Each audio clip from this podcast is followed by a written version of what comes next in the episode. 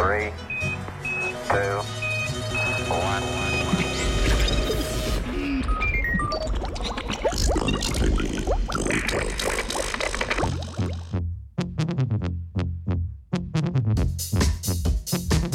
Pozdravljeni. Visoke koncentracije do sedaj nepoznanega onesnaževalca v okolju. Raziskovalna skupina Univerze v Indijani, ki jo je vodila Marta Venier, je po analizi vzorcev oduzetih iz več različnih okolij odkrila, da so koncentracije onesnaževalca, ki predhodno ni bil postavljen pod vprašaj, zelo visoke.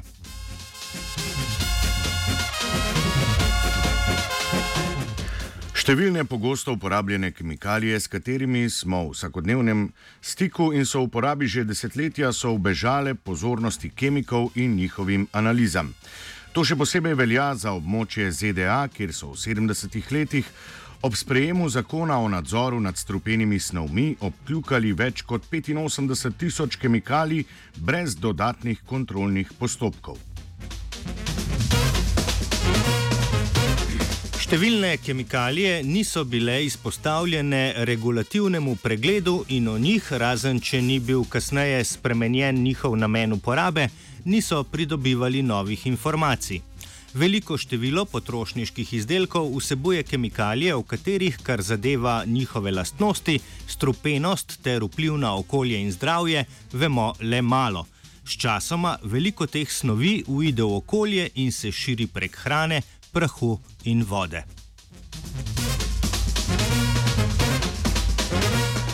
Raziskovalke in raziskovalci so se pri svoji analizi osredotočili na snov iz družine organofosfatov, ki so znani po svojih toksičnih lastnostih. Kemikalijo poimenujemo s kratico TDTBPP in nimamo veliko informacij o tem, odkot uhaja v okolje. Raziskovalna skupina je zato preverila prisotnost snovi z uporabo masnega spektrometra visoke ločljivosti v prahu e-odpadkov. V prahu domačih okolij, v sedlinah vodnih filtrov, odpadnih vodah na območju Chicaga in v zračnih filtrih.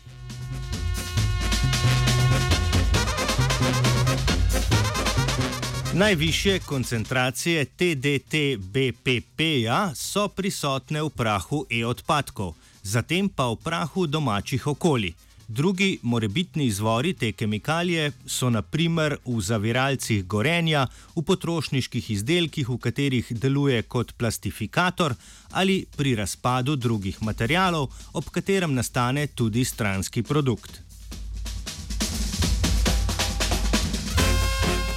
V raziskavi so navedeni tudi podatki o izpostavljenosti ljudi dotični kemikaliji, predvsem na območju Ontarija v Kanadi. V domačem okolju so koncentracije že zelo visoke in najpogosteje pridemo s kemikalijo v stik prek vdihavanja kontaminiranega prahu ali prek stika s kožo. To, da potencialno toksično kemikalijo v okolju najdemo v takem izobilju in je prej nismo poznali, je še en dokaz neučinkovitega ravnanja s kemikalijami v Združenih državah Amerike. O onesnaževalcih zaskrbljeno piše Dunja. Three, two,